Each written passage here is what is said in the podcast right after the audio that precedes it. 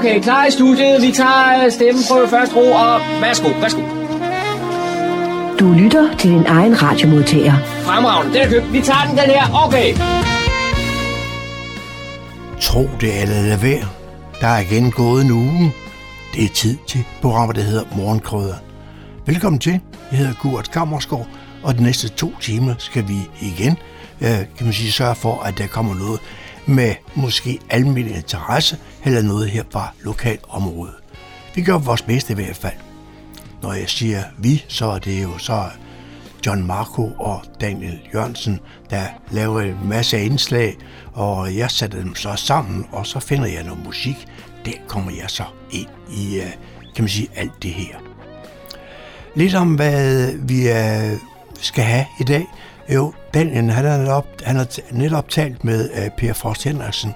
Han fortæller noget om uh, fra skoleområdet, og kan man sige, at uh, der nu også skal laves test. Der må lave mange af, alle de her test. Selvom der er blevet lempe lidt på den nu, så vil de også teste helt ind til 0. klasse her i vores kommune. Og Daniel har så altså også været inde på humleborg.dk. Det kan I andre også gøre og fundet nogle lokale nyheder, som han lige vil tage med i nogle overskrifter. Og så er der også øh, kan man sige, noget nyt information øh, fra vores bibliotek her i vores kommune. De er jo meget aktive. Det er utroligt, hvad der sker på vores bibliotek og med forskellige tiltag. Det skal vi høre lidt om også. Og så det nye byråd, det er jo trådt til efter valget her i efteråret, og de er godt i gang med det er arbejde, der nu venter netop, kan man sige, også nogle af de helt nye i byrådet. Den anden har haft en snak med Lars Simonsen, øh, der er valgt for de radikale venstre, om øh, hvordan, øh, kan man sige, Lars han synes om det, kan man sige, valg, valgets udfald, hvordan det gik, og i det hele taget noget med fremtiden. Det skal vi også høre noget om. Og så har John Marco haft en samtale med, øh, med Nils Johansen om sit møde med nu afdøde ærkebiskop Desmond Tutu. Han døde jo her den øh, 26. Øh, december her sidste år, og det var en mand, der betød rigtig, mange, rigtig meget for rigtig mange mennesker. Og den øh, pensionerede præst Niels Johansen, han skal også fortælle om sin, øh, han har mødt ham en par gange til nogle foredrag og forskellige ting. Så det bliver noget af det, vi kommer til at høre mere om øh, her sidste udsendelsen, hvor øh, øh John han har som sagt en længere samtale med øh, Nils Johansen, der er pensioneret præst. Og ja, så er han også, han er også forfatter, og jeg ved ikke hvad, men øh, det kommer John mere ind på. Det er noget af det, vi skal høre her de næste to timer. Og husk så at øve, hvis ikke lige I er med på det hele, eller ikke har tid til at lytte med, så kan det hele genuhøres, genhøres, som det vist nok hedder, i morgen mandag mellem kl. 18 og kl. 20. Velkommen til. Rigtig god fornøjelse.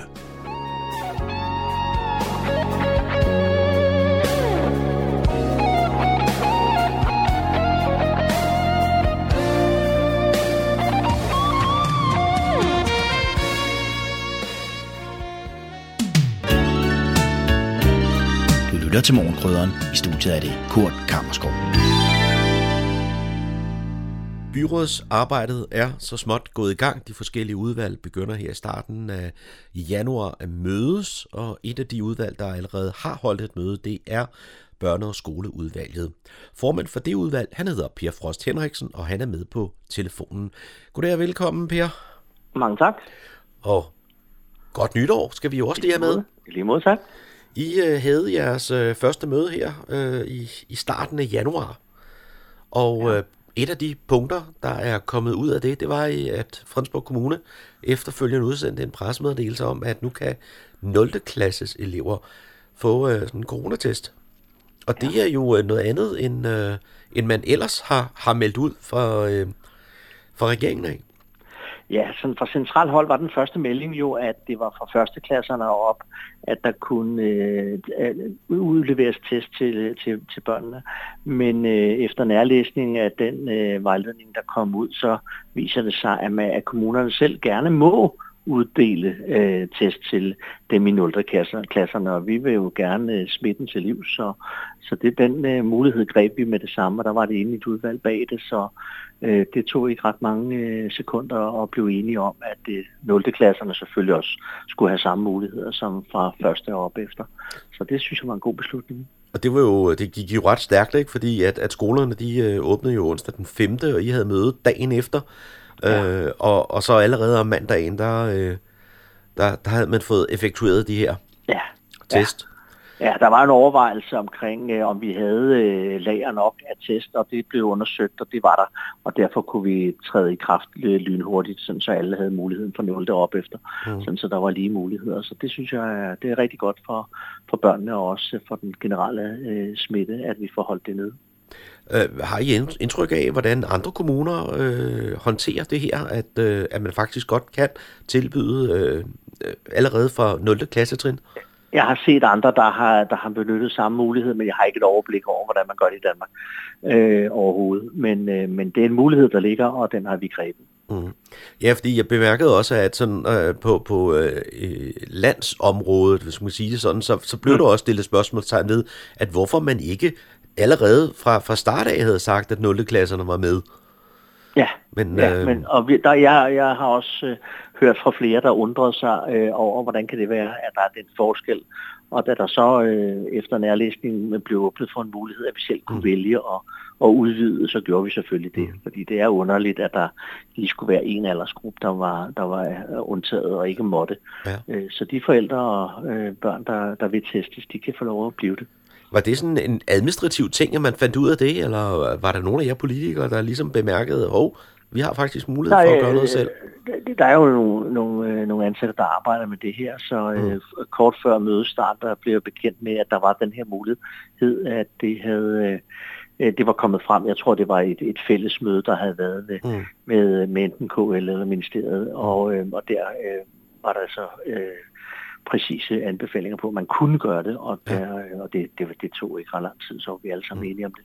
Det var jo ikke et punkt, der som sådan var på, på dagsordenen. Nej, Nej. nej. Men, men hvad havde I sådan ellers øh, på, på dagsordenen på det møde, I holdt her den 6. januar? Ja, i første omgang er det jo et nyt udvalg. Øh, Vi er blevet 11 i børn- og skoleudvalget, så øh, der, det, alle øh, udvalg starter med en introduktion af områder, der havde vi en grundig gennemgang af, hvad det er for et, et arbejdsområde, vi har, og der er blevet både talt øh, normeringer og skolebygninger og øh, også trivsel. Så det, det, det er store dagsordner, der er, og øh, det bliver spændende at komme i gang med, med et helt nyt udvalg. Øh, så jeg, jeg glæder mig rigtig meget til arbejdet og til at få udvalget til at, at virke. Og hvad er det, der gør, at det er et helt nyt udvalg? Ja, det er jo sådan, at efter en, et valg øh, og en fireårsperiode, og en ny skal, fireårsperiode skal i gang, så sammensætter vi i byrådet øh, udvalgene, og øh, det har vi så gjort nu. Øh, og, og så er det første møde nu her i januar i den nye periode. Så der bliver sammensat øh, nye, øh, nye konstellationer, og sådan er det sådan set hver gang, at, at der er nogen, der kommer og nogen, der går. Og det, det, det, det er meget godt at få øh, nye input og nye mennesker. Øh, så det, det glæder jeg mig meget til, at øh, vi tager fat. Arbejdet er det samme, så øh, vi skal enes om det, og vi skal finde en vej. Så ja, jeg tror, at det bliver rigtig godt. Det var et godt første møde i hvert fald. Ja. Så, Er, er der så nogle ritualer og noget, sådan, så, øh, som, som man har på det første møde? Nej, det er der ikke. Der er ikke sådan noget kanindåber, og man skal øh, vendes i, øh, i, i et eller andet champagne eller noget. Nej, der er ikke. øh, Det, det, bruger vi ikke. Øh, Nej. vi, vi siger pænt øh, velkommen og godt nytår, og så går vi i gang med arbejdet. Ja. Et af de andre punkter, som, som jeg husker, jeg læste, det var noget med skovbørnehave nede i Humlebæk Centret. De kunne godt tænke sig at få øh, nogle flere muligheder. Mm. Øh, og øh, hvad, hvad var det for ønsker, de havde, og, og hvad sagde I til det? Ja, der er et, et privat tilbud, der hedder Skovbørnehaven Livet, som holder til i Humbæk Center, og så derfra kører ud i skoven, at de vil gerne udvide til at øh, have, have, have yngre børn med også. Så helt ned til 30 uger har de, har de fået lov til at have, og der var også fuldstændig enighed om det. Så øh, det er et godt tilbud, der har været i gang nu et stykke tid, og nu har de mod på at udvide, og, øh, og det gav øh, udvalget lov til. Mm. Men der bliver på et tidspunkt nogle, øh, nogle grænser for de fysiske rammer, tænker jeg. Ja, det er, skoven er stor, så øh, det kan man jo sige. Øh, det, det, det, det, det styrer de jo selv i, i det tilbud. Altså, selvfølgelig skal der være den base, der er i, i centret, og øh, det, så længe de er der, har, er den fysiske ramme jo selvfølgelig en begrænsning, men, men øh, hvis, hvis de vil videre og, og være større end det, de er nu, så er det jo en mulighed, som de kan overveje. Men, men mm. lige i første omgang var det at udvide øh, alderssammensætningen, og, og det var der fuld opbakning til. Fuld opbakning, ja. I har også kigget lidt på, øh, var det sprogvurderingerne her øh, de, de senere år øh, på øh, kommunstrukturerne, som I blev ja. orienteret omkring? Ja, vi har været ret langt fremme i Fredensborg Kommune med at, øh, at lave øh, sprogstimulering øh, til, øh, til børnene helt øh, i, i, hvad hedder det, børneinstitutionerne. Og det har vi øh, gjort meget systematisk, og der har været nogle for i første omgang var, har det været øh, to forskellige øh, institutioner, men fra nu af er det jo så bredt ud over øh, alle skoler, sådan så vi har en, en særlig øh, indsats på det område. Så, øh, og vi kan jo se at den øh, mængde øh, data, der er på det, at det virker virkelig at have en indsats på området.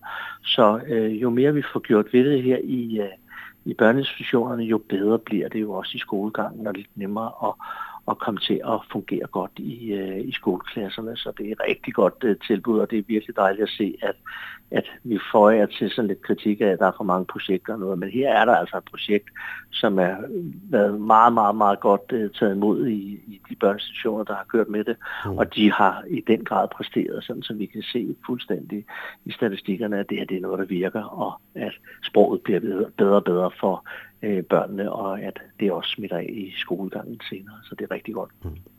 Nu øh, står det nye dør, øh, år jo for døren, som man siger, og øh, er der nogle øh, store projekter i børne- og skoleudvalget sådan i 2022, som, øh, som der ligger lige for? Ja, i den sidste halvdel af, af den sidste periode, der talte vi meget normeringer i børneinstitutioner, og det skal vi, det skal vi gøre fra uh, også her i det nye, øh, det nye samling. Så der er helt sikkert, at, det, at det, bliver, det bliver et meget stort diskussionsemne, både hvad budgetterne angår, men også sådan, hvordan uh, både uddannelsesniveau og antallet af uh, pædagogtimer skal være. Så det tror jeg bliver en stor opgave for udvalget at få, få udredt det og få øh, talt os til rette om, øh, hvor mange penge der skal bruges på det område. Så har vi en ret stor sag omkring niveau, hvor, hvor vi er ved at lave niveau bymitte, og der er skolen et rigtig stort omdrejningspunkt, og øh, der regner vi også med, at øh, det skal der sættes øh, kræfter af til, øh, både administrativt og også øh, politisk, sådan så vi kommer i mål med, med hele den store satsning, der er på det øh, område, det er niveau, øh, og skolen er en stor del af det, så øh, det, det glæder mig rigtig meget til, at vi får det øh, kørt igennem i den fireårsperiode, der er nu øh, så der kan stå en helt ny øh, skole klar dernede øh, i, i Niveau-centret. Mm. Det er en stor opgave. Det er en meget stor opgave. Ja. Jeg vil ønske jer held og lykke med øh, arbejdet fremover, og øh, siger tak for denne gang. Jamen tak for, at I ringede. Det var fint. Tak skal I have, og godt nytår igen. Så er det blevet tid til lokale nyheder, som man kan læse om på humleborg.dk. Bag mikrofonen er det Daniel Jørgensen. Der blev solgt mange boliger sidste år. Det fortæller Home i Humlebæk. De spår også lidt om, hvad der kommer til at hitte i 2022. For sidste år var et ekstraordinært år for boligejere i Humlebæk. Det slår den lokale indehaver Mark Hemming af Home Humlebæk fast. Året er talt op, og et hæsblæsende forår i 2021 og et ganske flot salg i de sene efterårsmåneder helt ind i december tæller godt op. Home Humlebæk har solgt 76 boliger sidste år. Det er omtrent det samme, dog en enelse mere end året før. Det er et fortsat godt salg, når vi ser nogle år tilbage, fortæller Mark Hemming. Om 2022 kan matche sidste år er svært at spå om, men Mark Hemming har et godt bud. Vi kommer fortsat til at se mange købere og sælgere, der mødes, men salget kommer til at ligne tiden lige før corona. Vi ser frem til at hjælpe endnu flere kunder med at finde deres drømmebolig og fortsat lovende udsigter for 2022 og ser frem til et forrygende år. Købelysten er der fortsat, og salgspriserne er gode, fremhæver Home. Det største problem er dog, at udvalget af købere er skrumpet gevaldigt. Udbuddet er ganske enkelt i bund, fortæller Mark Hemming. Den første udstilling på Louisiana i 2022 præsenterer den britiske avantgarde-arkitekt Sir Peter Cook Udstillingen hedder City Landscapes og indgår i udstillingsserien Louisiana on Paper. Udstillingen vises fra den 21. januar til den 8. maj, forudsat af coronarestriktionerne tillader dette. Med Peter Cooks værker er det første gang, at serien præsenterer tegninger af en arkitekt. Udstillingen viser, hvordan Peter Cook med tegningen som sit vigtigste værktøj gennem seks årtier har præget og inspireret arkitekturen med sin visionære idé om nye byer og livsformer. Cooks tegninger skal opfattes som projekter, forslag til nye måder at forme byer og bebo på. Netop dette er karakteristisk for hele Cooks værk og karriere helt frem til 60'erne og 70'erne. Alle udstillede tegninger er en del af Cooks egen samling, og teksterne, der beskriver tegningerne i udstillingen, har Cook selv skrevet. Lørdag den 22. januar kl. 11 er der fernisering på en ny udstilling hos Humlebæk Kunstforening. Den kan ses frem til den 2. februar på Humlebæk Bibliotek i bibliotekets åbningstid. Udstillingen er med værker af billedkunstnerne Jeff Ibo og Grete Tranberg. Menneskekroppen er Jeff Ibos foretrukne motiv, og han går til det kunstneriske arbejde ved hjælp af en levende model, selv når leret af materialet. Men selvom værkerne er skabt foran en levende model, er udtrykket langt fra naturalistisk. Grete Tranberg, der er født i Hørsholm, laver ud over billedkunst også maleri og skulptur, har arbejdet som kunsthåndværker med blandt andet smykkedesign fra 1961. Gretes billedkunstneriske univers i fladen sprudler af poesi og mystiske fortællinger. I hendes værker ses oftest frodige landskaber med træer i blomst og floder eller søer. Udstillingen med Jeff Ibo og Grete Tranberg kan som sagt ses på Humme Bibliotek. Det er bibliotekets åbningstid, og det er frem til den 2. februar. Det var, hvad vi havde af lokale nyheder for denne omgang, hentet fra humleborg.dk. Bag mikrofonen var det Daniel Jørgensen. Du lytter til Radio Humleborg, din lokalradio i Fredensborg. Så er det igen blevet tid til, at vi skal høre, hvad der foregår på de lokale biblioteker her den kommende tid. Og for at snakke mere om det, der har jeg Julie Persson fra Fredensborg Bibliotekerne med på linjen. Velkommen til, Julie. Mange tak skal du have. Det første, vi skal høre om i dag, det omhandler en introduktionsdag, som I har til øh, det, der hedder E-regionen. Kan du fortælle lidt om, hvad det er for et arrangement? Ja, altså e-regionen, det er jo det her fantastiske, en fantastisk hjemmeside eller en app, øhm, hvor man øh, kan få adgang til en masse gode lydbøger. Og det er jo, hvis man øh, for eksempel øh, har svært ved at læse, eller ser dårligt, eller bare hvis man kan lide at have en bog øh, med på farten i øret. Og, øhm, og det kan nogle gange kræve lige lidt, øh, lidt god fif øh, til ligesom at, at lære det her øh, at kende. Øh, og min kollega Nete, hun vil meget kyndigt øh, fortælle folk om, hvordan man ligesom går til e-regionen, hvordan man opretter sig osv. Og øh, det foregår øh, den 27. januar øh, i Fredensborg, men ikke på biblioteket, men på det, der hedder Lindehuset øh, i Fredensborg. Og øh, det er kl. 10.30 til 12. Og øh, der kan man møde gratis op øh, og få øh, gode råd til, hvordan man bruger øh, e-reolen. Øh, man vil blandt andet lære, øh, hvordan man downloader appen, øh, hvordan man logger ind, og hvordan man kan finde øh, den rette lydbog, og, og hvordan man navigerer rundt øh, i e-reolen i det hele taget. Øhm, og så vil der også være tid til nogle øvelser, og tid til at stille spørgsmål. Det det kræver, øh, det er, at man tager sin smartphone med, eller sin bærbare computer, eller sin tablet, øhm, og et sæt høretelefoner. Øh, og så skal man også kunne komme på internettet øh, så skal man også på forhånd sikre sig, at man er oprettet som låner på biblioteket. Det kan man også gøre øh, via vores hjemmeside, eller man kan komme ned i vores betjente åbningstid og få hjælp til det. Fordi at øh, så er man ligesom øh, logget ind som bruger, og så kan man let øh, få hjælp til e-regionen. Øh, ja. Og man behøver ikke at melde sig til til den her introduktion, man kan bare øh, møde op. Og nu fik du jo nævnt, at øh, det var lydbøger, man kan låne på e-regionen. Men øh, nu har jeg jo selv øh, benyttet mig af den, og der er jo også bøger, som man selv kan læse elektronisk. Lige præcis, det er godt, du siger det. Øh, der er nemlig også e-bøger, som man kan læse på sin skærm.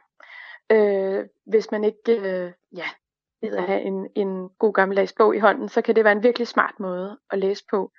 Øh, så derfor er e-regionen et, bare et rigtig godt sted at kende. Og øh, der er jo også til, til børn og til børnefamilier, er der det, der hedder E-regionen Go, som er særligt øh, mindet på, på børn og unge. Øhm, så det er altså et virkelig godt øh, univers, hvor man øh, sådan ganske gratis får adgang øh, ved at være oprettet som låner.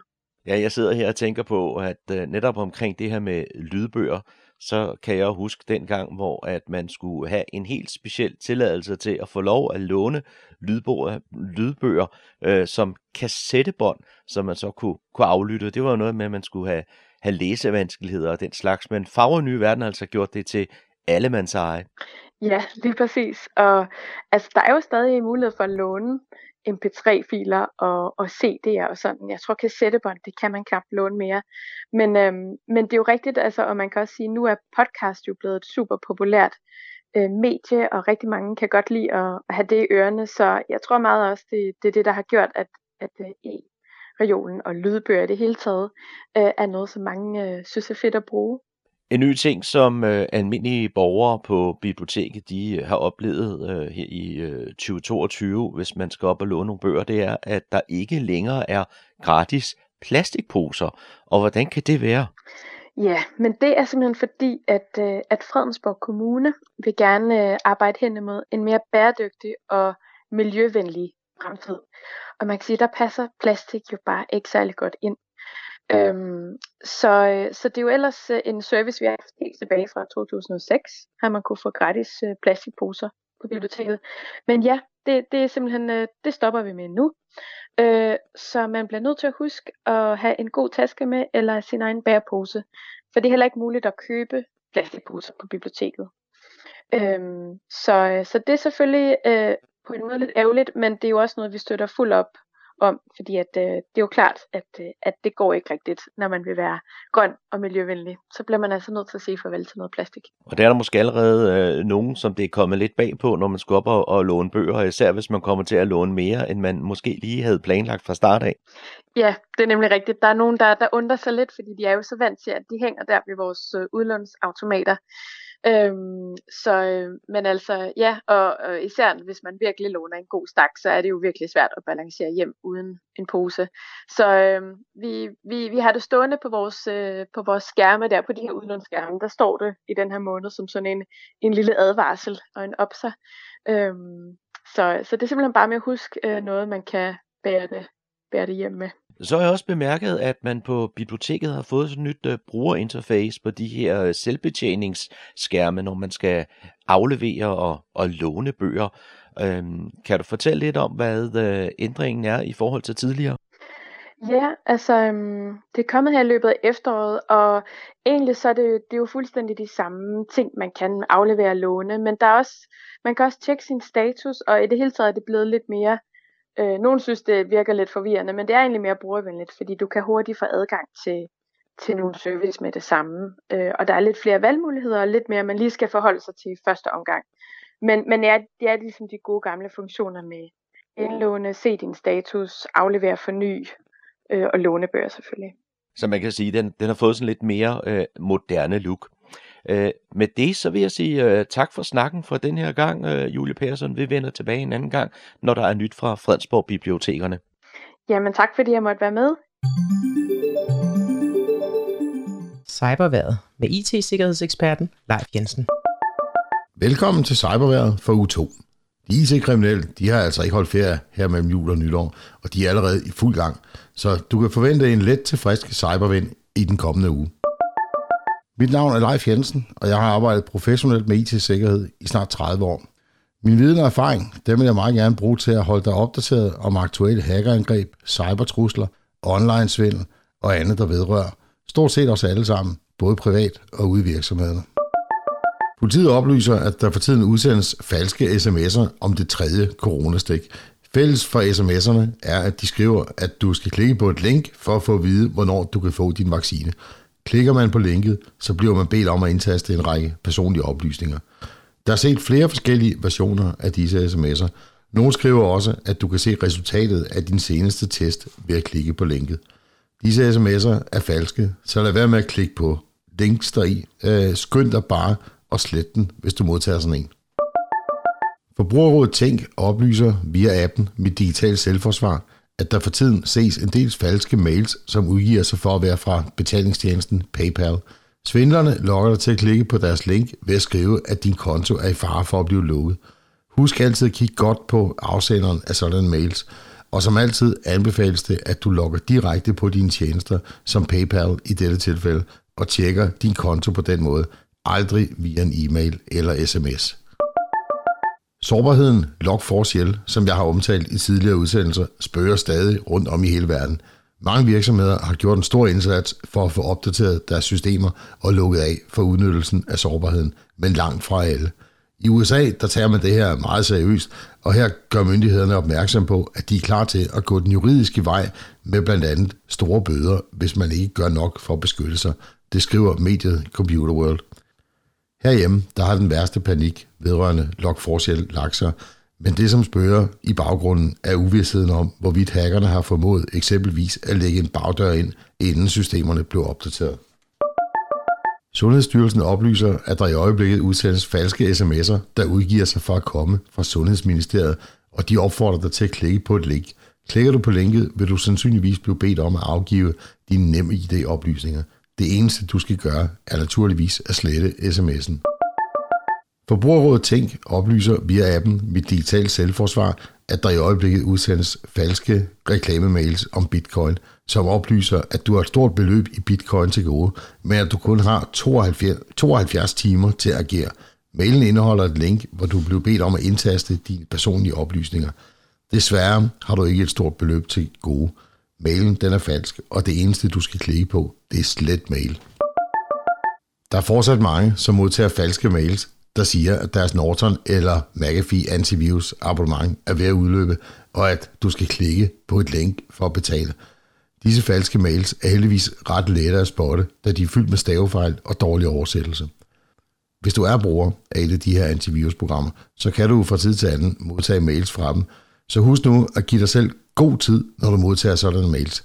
Kig på afsenderen og sprogbruget. Er du i tvivl, så tag direkte kontakt der, hvor du har købt dit antivirusprogram. Det var cyberværet for denne gang. Vi er tilbage igen med en ny cyberværetudsigt i næste uge. Tak fordi du lyttede med.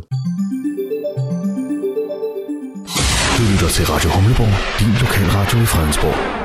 2022 er kommet godt i gang. Det sluttede, øh, det sluttede med kommunalvalg i november og konstituering i december, og nu er det nye byråd trådt sammen.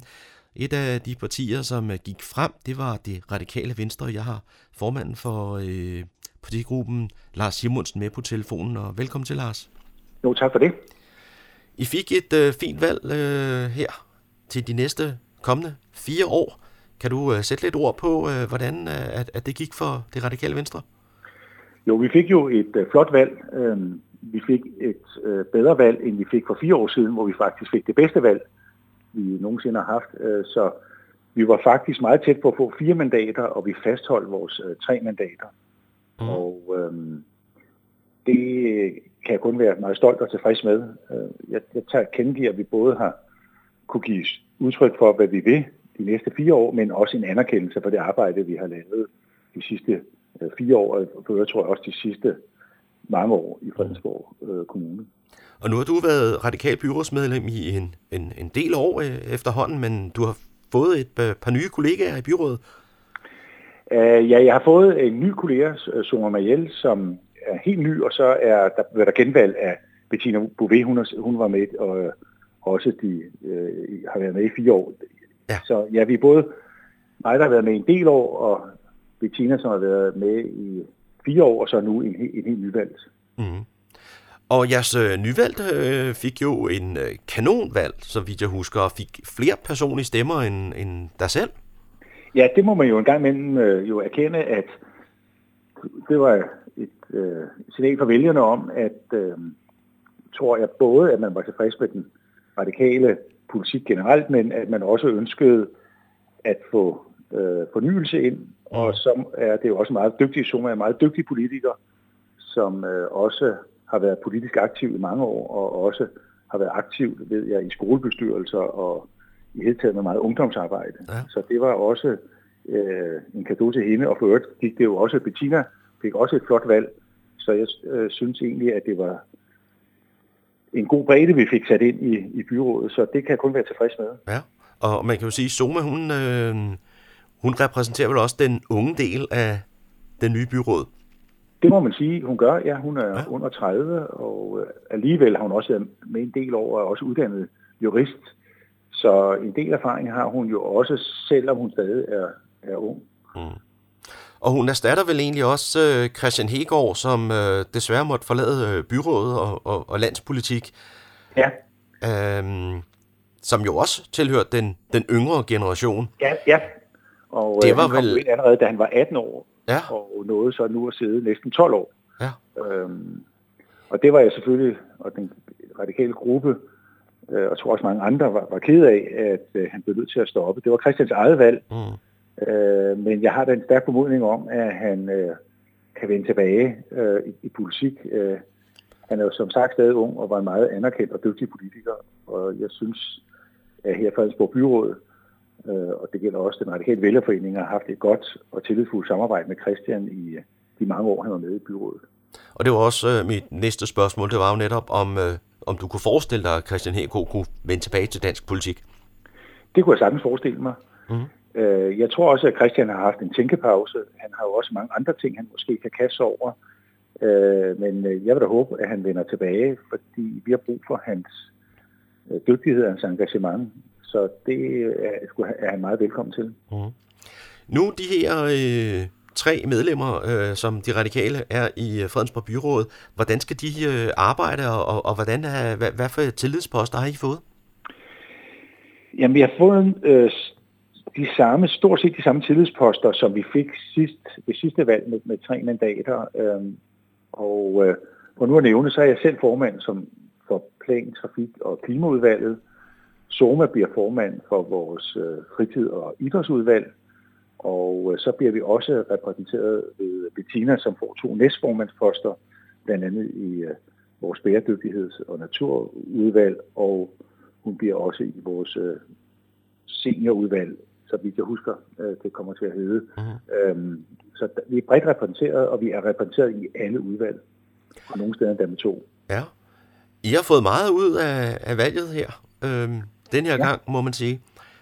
Der var lidt... Jamen, vi er et parti, ja. der godt, vi er jo et parti, der godt kan lide at have indflydelse, øh, og det, det, så vi lægger vægt på selvfølgelig at få så stor indflydelse som muligt, men øh, vi gik også til valg på en bred konstituering og med inddragelse af de andre partier, så derfor er vi også glade for, at øh, alle partier på nær et er med i denne her brede konstituering. Mm. Du sad selv øh, sammen med borgmesteren, kan jeg forstå, på, på øh, valgaftenen og øh, forhandlede de forskellige omkring øh, grundlaget og hvem der skulle pege på hvem osv. Der, Ja, jeg, var, ja, jeg, var, jeg var med til at forhandle det rigtigt. Ja. Øh, nu er man ikke til stede hele tiden, men der foregår forskellige sonderinger, men det er rigtigt. Ja. Øh, jeg, jeg var vores forhandlingsrepræsentant øh, på selve vandnatten, det er rigtigt. Mm.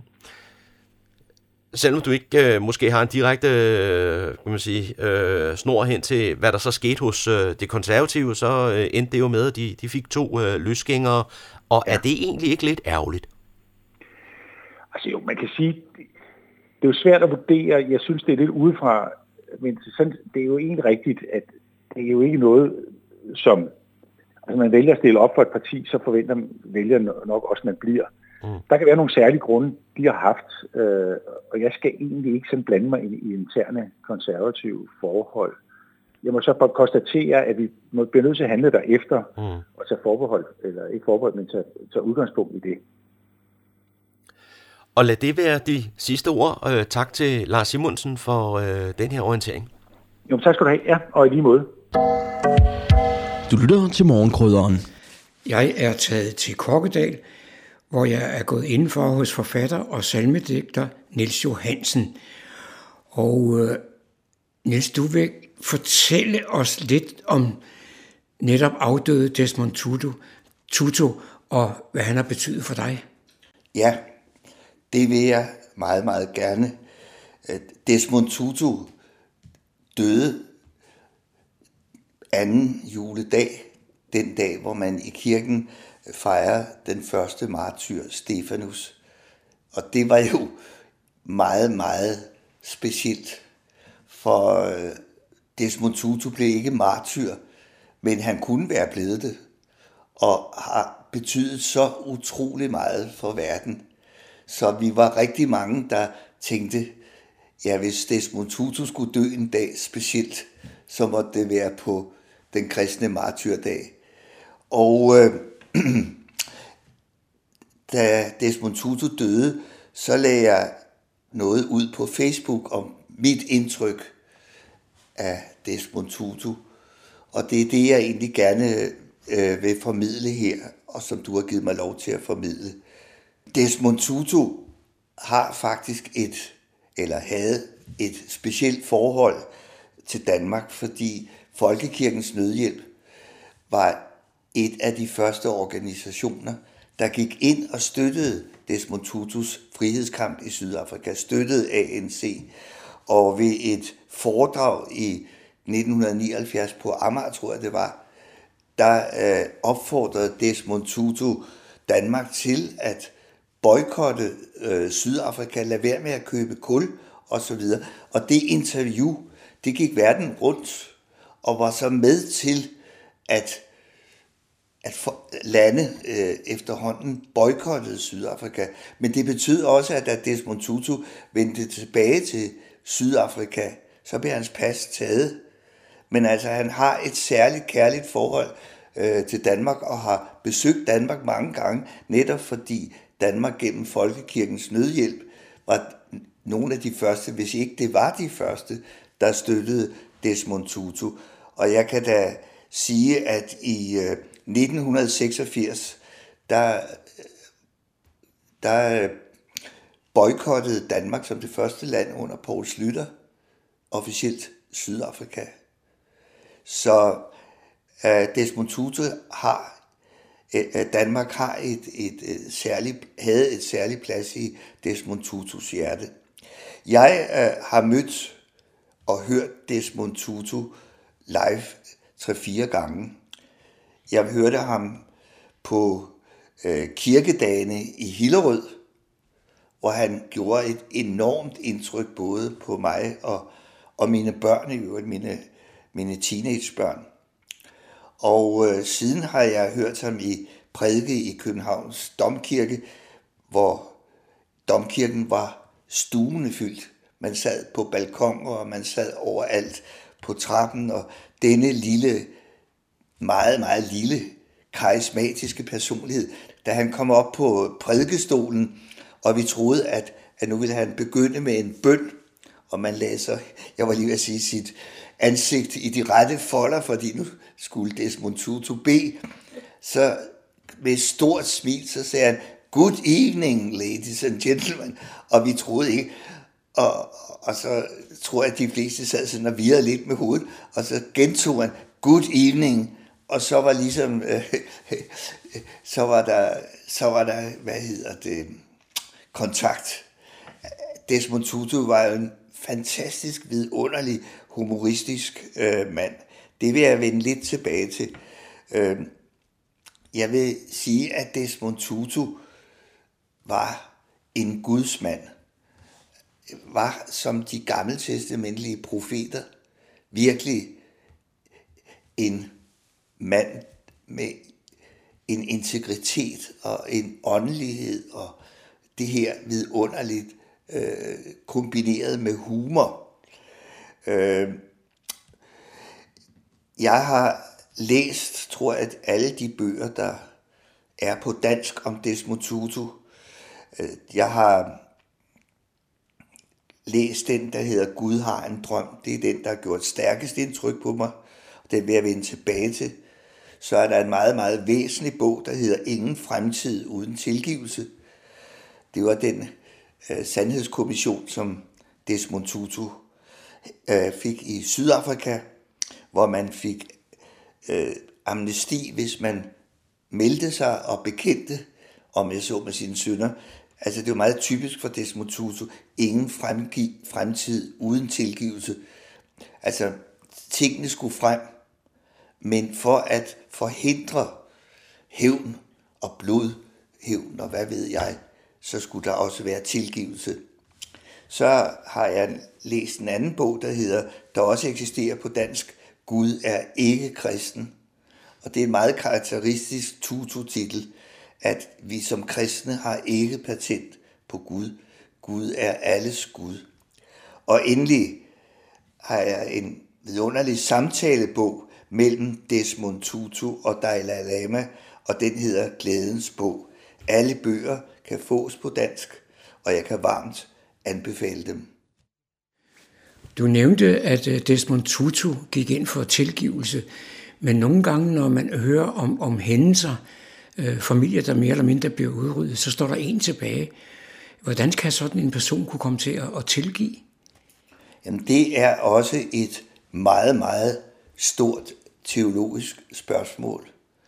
Og øh, jeg vil sige, at jeg har blandt andet i nogle af mine romaner været inde på, hvor jeg har skrevet om besættelsen, og, og nogen, der tager stilling til øh, så osv. Og øh, hvor, hvor jeg i mine romaner har sagt, jamen, hvordan kunne man tilgive en, der havde stukket dem osv. Og der har jeg i de romaner skrevet, jamen, der er en tilgivelse, som man må overlade til Gud. Fordi man kan ikke selv tvinge sig til at tilgive.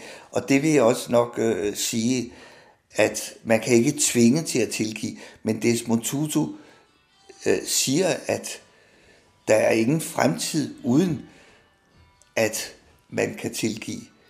Og, øh, og for ham er det meget, meget vigtigt, at man også kunne tilgive bødlerne nede i de forfærdelige historier, de hørte ikke. Men på den anden side var det magtpålæggende for Tutu, at det kom frem. Der er egentlig meget stor forskel på Nürnberg-processen efter 2. verdenskrig, og så denne sandhedskommission. Altså, der var jo ikke tale om tilgivelse i Nürnberg-processen. Og det er jo lige så grusomme historie, der er tale om i apartheidspørgsmålet og i sandhedskommissionen. Desmond Tutu siger, at øh, hvad hedder det, at apartheid er den værste synd siden nazismen. Altså, han sammenligner det med nazismen, ikke? Men altså, hvis det kom frem, så var der en forsoning, øh, som var utrolig vigtig for, at man kunne komme videre.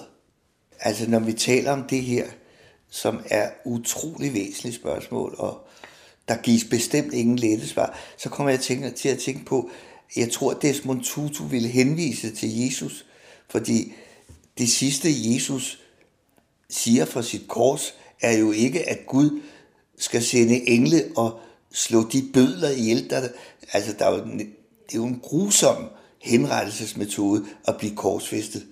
Men som noget af det sidste, så siger Jesus, far, tilgiv dem, til de ved ikke, hvad de gør. Altså Jesus beder for sine bødler. Og, og Desmond Tutu er ikke Jesus, men jeg tror virkelig, at han vil henvise netop til det her. Men det er et meget, meget stort spørgsmål. I og med, at vi nu er kommet så dybt ind, blandt andet i de kristne spørgsmål, så vil jeg gerne øh, tale om Desmond Tutus åndelige testamente, hans øh, kristendomssyn. Og øh, lad mig, kende, øh, lad mig øh, begynde med en meget kendt floskel, som jeg mange gange har oplevet som præst, hvor folk siger, jamen, folkekirken, de taler ikke andet end om, om synd, og de er så humørforladt, og de må ikke dit og dat, og de ligner Mads Gerns forfærdelige søster i Matador, ikke? Og det er jo en så forfærdelig floskel, og, og den rammer i hvert fald ikke Desmond Tutu. Han havde en vidunderlig humor. Lad mig komme med et eksempel, hvor han siger, vi vil sikkert blive overrasket over de personer, vi møder i himlen. Gud har en svaghed for syndere. Hans opfattelse af karakterkvalitet er ret lav. Læg mærke til, i dette vidunderlige humoristiske, der lægger Desmond Tutu ikke skjul på, at det er at himlen er egentlig den store sønderfestival. Det er ikke for helgen, det er den store sønderfestival. Ikke? Altså, han lægger ikke tvivl på, lægger ikke skjul på, at mennesket er syndere, men Gud har en svaghed for syndere. Det er, det er mange af de folk, der bruger den der floskel om, at, at kristne er bare sådan nogle humørforladte og, og sådan nogle fra Matador kedelige mennesker, de skulle begynde at læse Desmond Tutu. Inden jeg nu øh, fortæller om den bog, der har gjort størst indtryk på mig, den der hedder Gud har en drøm, så kunne jeg godt tænke mig, at vi hørte Mahalia Jackson synge We Shall Overcome. Og det er helt bevidst, at jeg vælger Mahalia Jackson, fordi det er så stærkt et vidnesbyrd, som hun kommer med i alle sine gospelsange. Man er ikke i tvivl om, at, at hun tror på det, hun synger. Og, og så at jeg netop har valgt We Shall Overcome, det betyder, at på den ene side er der dermed jo, er der jo en hilsen til Martin Luther King, som Desmond Tutu i høj grad stod på skuldrene af.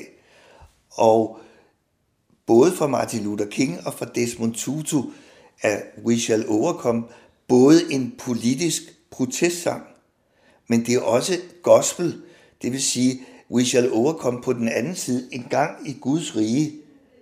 Altså her skal vi øh, gå hånd i hånd, og vi skal lave fred og så videre. Men we shall overcome, det betyder også en gang i Guds rige. Så skal vi ikke lytte til Mahalia Jackson? We shall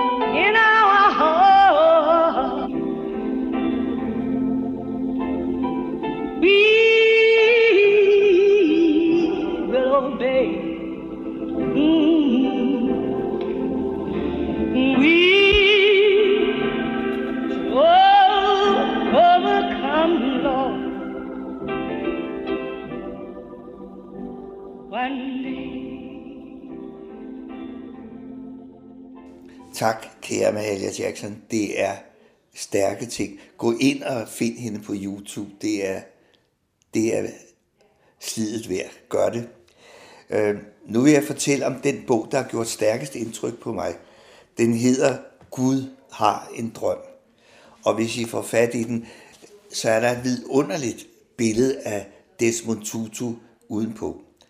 Øh, jeg købte den, øh, jeg tror det var i 2000 to eller sådan det er fuldstændig ligegyldigt med to eller tre, og øh, jeg fandt den ude i boghandel i Frederiksberg Centeret. Og jeg har sådan en vane med, når jeg står og ser bøger, bladrer lidt i den.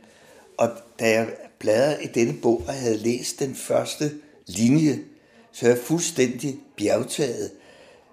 Den starter sådan, kære Guds barn. Bare det overhovedet, at han starter, kære Guds barn. Jeg står der i Frederiksbergcenteret, kære Guds barn, det er dig. Jeg skriver disse ord, fordi alle mennesker bliver bedrøvet. Alle mennesker bliver samtidig fortvivlet, og alle mennesker mister håbet om, at lidelserne i vores liv og i verden nogensinde vil holde op. Jeg vil gerne dele min tro på og opfattelse af, at man kan forvandle og forløse disse lidelser. Der findes ikke noget, der er totalt håbløst. Ja vel, her står jeg i Frederiksberg Center. Der er ikke noget, der er håbløst. Vores Gud er ekspert i at håndtere kaos, sammenbrud, alt det værste, man kan forestille sig. Gud skabte orden ud af uorden, kosmos ud af kaos, og Gud kan altid gøre det, kan gøre det nu i vores personlige liv, i vores liv som nation og globalt. Det mest uhyrlige menneske, den mest usandsynlige situation, kan alt sammen forvandles og blive til sit prægtige modstykke. Gud forvandler faktisk verden lige nu igennem os, fordi Gud elsker os. Det er ikke ønsketænkning eller blind tro. Det er min inderlige overbevisning baseret på min læsning af Bibelen. Og så lidt ned, længere ned i det, så siger han, nogle mennesker vil kalde den holdning optimistisk, men jeg er ikke optimist. Jeg opfatter mig selv som realist, og den visdom om håb, jeg gerne vil præsentere for dig her i bogen, er bygget på virkelighed. Netop den virkelighed, at du er et Guds barn, hvem du end er, og hvilken fortid du slipper rundt på, så er du et Guds barn. Du er elsket, ikke for det, du har gjort, men på trods af, af det, du har gjort. Vi siger, at kærlighed gør blind. Nej, vil Desmond Tutu sige, for Gud er ikke blind.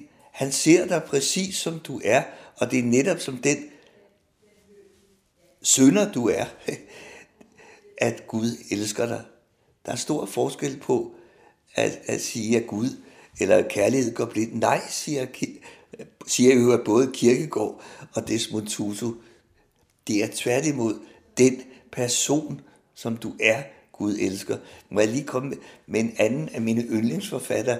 Den mest vidunderlige fortælling af H.C. Andersen, synes jeg, er, hvad fatter gør, er altid det rigtige. Det er jo fuldstændig vanvittigt. Men hun er ikke blind for, at han kommer hjem med de der rådne æbler. Det er jo fuldstændig vanvittigt. Men hun elsker sin mand netop, som hun er. Og det er, jeg kunne godt forestille mig, at Desmond Tutu ville have jublet over H.C. Andersens eventyr, og han har sikkert læst det. På en eller anden måde, så kan jeg opfatte det, du netop har været inde på, at lige meget hvordan man opfører sig, så bliver man elsket. Jamen, øh, jamen, det er igen en af de der mærkelige floskler, blandt andet man beskyder katolikker for, at de, de kan bare gå de kan bare gå hen og, og skrifte, og så kan de... Jamen, et hvert menneske, der ved, at man har været en stor idiot, og bliver tilgivet, han går ikke hen lige derefter og gør det samme. Altså, hvis man kalkulerer på den måde, så har man misforstået det hele. Og hvis man gør det, så ved man virkelig ikke, at man har været en stor idiot, der er blevet tilgivet. Og nu har du siddet og bladret lidt i, i værket her, ja. og der, du har fundet en tekst mere. Øh,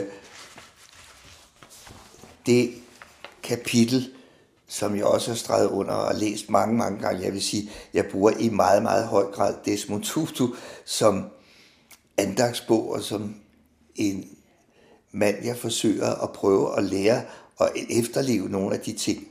Men her er der et kapitel, der hedder Guds drøm. Og så starter Tutu sådan, kære Guds barn, før vi kan blive Guds partner, skal vi vide, hvad Gud ønsker, vi skal gøre. Jeg har en drøm, siger Gud. Hjælp mig med at føre den ud i livet.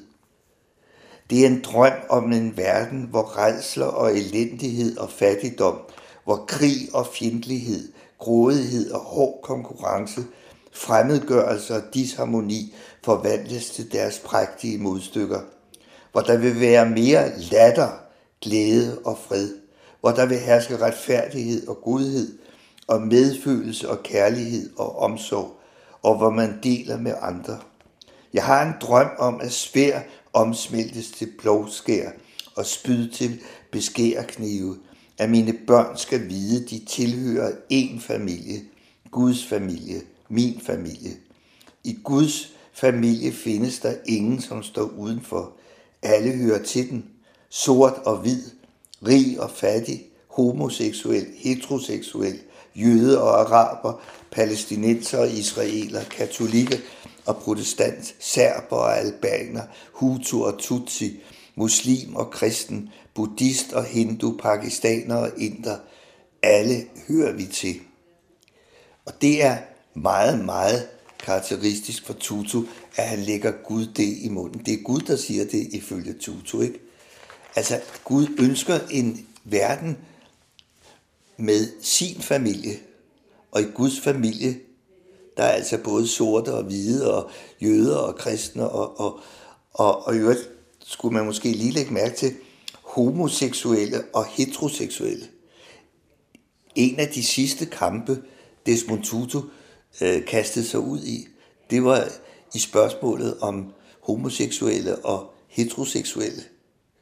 Og hans egen datter, som var præst i den anglikanske kirke, var lesbisk og blev gift med en øh, hollænder, og måtte så, fordi den anglikanske kirke ikke anerkender, øh, hvad hedder det, hvilelser af homoseksuelle og heteroseksuelle, så måtte hun øh, frelægge sig sit, øh, sit præstejob. Men altså, Desmond Tutu kaster sig meget ud i også, at man anerkender øh, ens forskellige seksualitet. Ja, det øh, skal man lige have med også. Det var også noget af det, Desmond Tutu kæmpede for. Så sidder jeg med et, et ark her, som du har tilsendt mig. Og det overskriften her, det er I verdens sum af smerte. Og så er der det digt, en øh, salme, skrevet efter prædiken af Theodor Jørgensen 2. juledag 2016. Ja, og da jeg lagde mit opslag ud på Facebook anden juledag, da Desmond Tutu var død, så kunne jeg ikke lade være med også at lægge en martyrsalme, som jeg netop havde skrevet til den søndag om, om de kristne martyrer. Fordi Desmond Tutu kunne i meget, meget høj grad have været blevet martyr. Han var, og hans familie blev udsat for forfølgelse og alt muligt. Men øh, den salme, ja, jeg vil godt lige læse den. I verdens sum af smerte har hver en martyr lidt, og Jesus var Guds martyr. Det svar i dag er mit. Den unge Nazareer, han gik de sidste skridt og bad for sine fjender. Det svar i dag er mit. Nu er han der, hvor bomber som vinterregn bliver smidt, som den opstandende frelser. Det svar i dag er mit. Som fred i blandt forfulgte, hvis frygt er ubestridt. Som håb i håbløsheden. Det svar i dag er mit. Hver Stefanus skal se ham. Hver enkelt, der har lidt. Gud tørrer jeres øjne. Det svar i dag er mit. Og desværre er denne salme utrolig aktuel. Der er vist få, der som kristne forfølges i verden i dag. Det er utroligt, at vi ikke hører mere om, hvor mange millioner kristne, der dagligt forfølges. Og øh, ja, det skal vi lige have med, når vi mindes Desmond Tutu på Sankt Stefans dag, hvor den 90-årige døde. Hvor har han betydet meget for os, og forhåbentlig, hvor vil han stadigvæk betyde utrolig meget. Det sidste, jeg vil sige om Desmond Tutu, han taler om, og det er jo så blandt andet det med forsoning, om at forsone sig med andre mennesker, der har gjort en ondt, at vi skal se på andre mennesker med Guds blik. Vi skal ikke se på dem med vores eget blik, men vi skal se på dem som Guds elskede børn, altså med Guds blik. Og det er så ligegyldigt, om det er en hindu, eller en heteroseksuel, eller en jøde, eller en muslim, eller hvem det er. Det er Desmond Tutus testamente, set med mine øjne. Jeg afslutter denne samtale med Nils Johansen ved at lade Alice Babs sammen med Duke Ellingtons orkester synge Freedom. Freedom,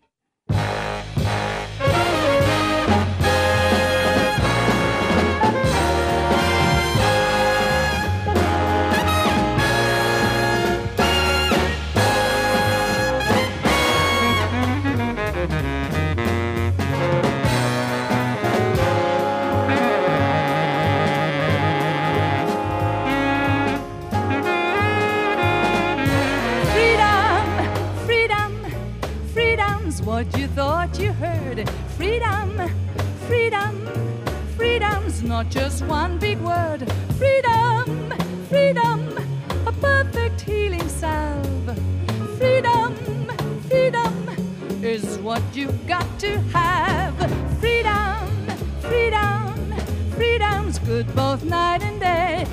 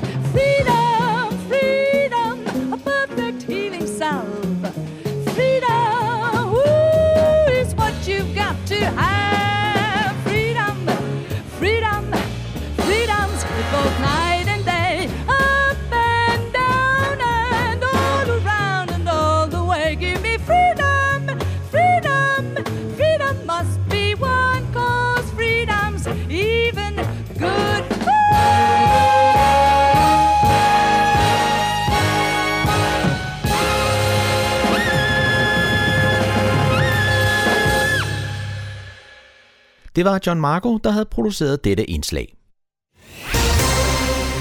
Så er det tid til lokale nyheder og informationer hentet fra humleborg.dk. Bag mikrofonen er det Daniel Jørgensen. Fredensborg har fået sit helt eget folkeuniversitet. Fremover vil du i Kokkerdal, Niveau, Humlebæk og Fredensborg kunne møde nogle af tidens mest fremtrædende historikere, naturvidenskabsmænd og politiske eksperter. Det kan man hos det nyoprettede Fredensborg Folkeuniversitet. Det har til formål at planlægge og gennemføre folkeuniversitets undervisning og dermed udbrede kendskabet til forskningens metoder og resultater i henhold til folkeoplysningsloven.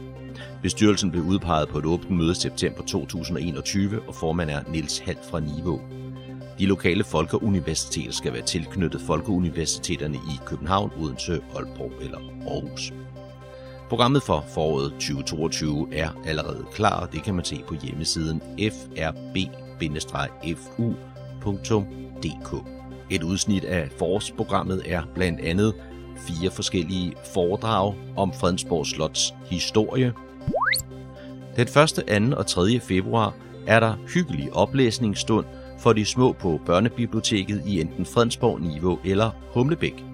I 2022 arbejder Fredensborg Kommunes børnebibliotek med FN's verdensmål nummer 13, klimaindsats. Derfor har børnebibliotekaren lagt sig i scenen for at finde de bedste billedbøger, der handler om klima, så også de små på 3-5 år kan være med, når det kommer til FN's verdensmål. Har I brug for at læse pitstop på vej hjem fra børnehaven, kan man svinge forbi det lokale bibliotek, hvor der på udvalgte dage inviteres til hyggelig højtlæsning i biblioteket. Det er gratis, uden fortilmelding, og foregår tirsdag den 1. februar på Fredensborg Bibliotek kl. 16, onsdag den 2. februar på Niveau Bibliotek kl. 16 og torsdag den 3. februar på Humlebæk Bibliotek ligeledes kl. 16. Der er plads til nye babyer på babysalmeholdene i Egedal Kirke, og det skyldes, at nogle af de ældste babyer nu starter i institution. Det er gratis at deltage, og holdene starter 2. februar. Vi ved, at der har været mange, som har vist interesse for at komme med i undervisningen, og nu er der plads igen, siger Pernille Manley Larsen, der er babysalmelærer i Niveau Kirke. Tilbuddet gælder de borgere, der bor i Karlebo Sogn, og som i forvejen er tilknyttet enten Karlebo Kirke, Egedal Kirke eller Niveau Kirke. Man skal blot gå ind på kirkens hjemmeside www.karlebosogn.dk og melde sig hos organist Peter Bjarnø Lange. Og man kan stadig nå at være med. Holdene starter nemlig først den 2. februar. Det er onsdag kl. 9.30 til 11.30, og undervisningen kører 10 onsdage, og det er ganske gratis. Det var, hvad vi havde af lokale nyheder og informationer hentet fra humleborg.dk for denne omgang. Bag mikrofonen var det Daniel Jørgensen.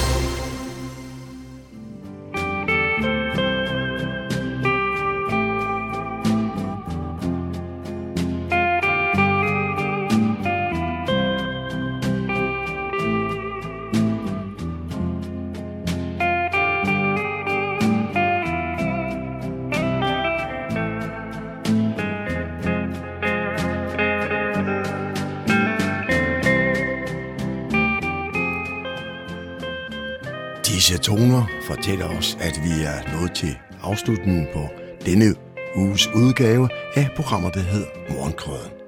Her fra redaktionen, som består af undertegnet, jeg hedder Kurt Kammersgaard. Ja, der siger jeg tak for nu, og på genhør en anden god gang.